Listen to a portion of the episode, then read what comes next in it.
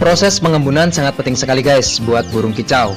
Namun banyak sobat kicau yang masih salah dalam proses pengembunan, sehingga hasilnya tidak maksimal bahkan percuma.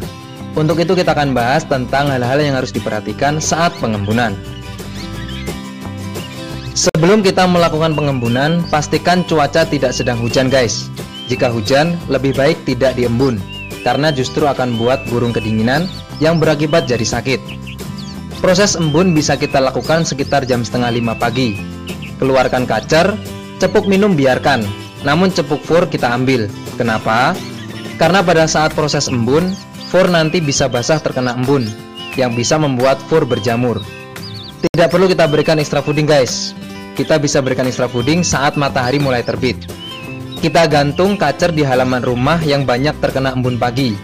Biarkan kacer menikmati proses embun biarkan kacer berkicau sendiri sebagai tanda bahwa si kacer adalah penguasa wilayah. Jangan sekali-kali kita pancing kacer kita dengan suara MP3 burung guys. Karena jika hal ini kita lakukan, justru akan berakibat pada mental kacer yang terganggu dan tidak maksimal dalam pengembunan.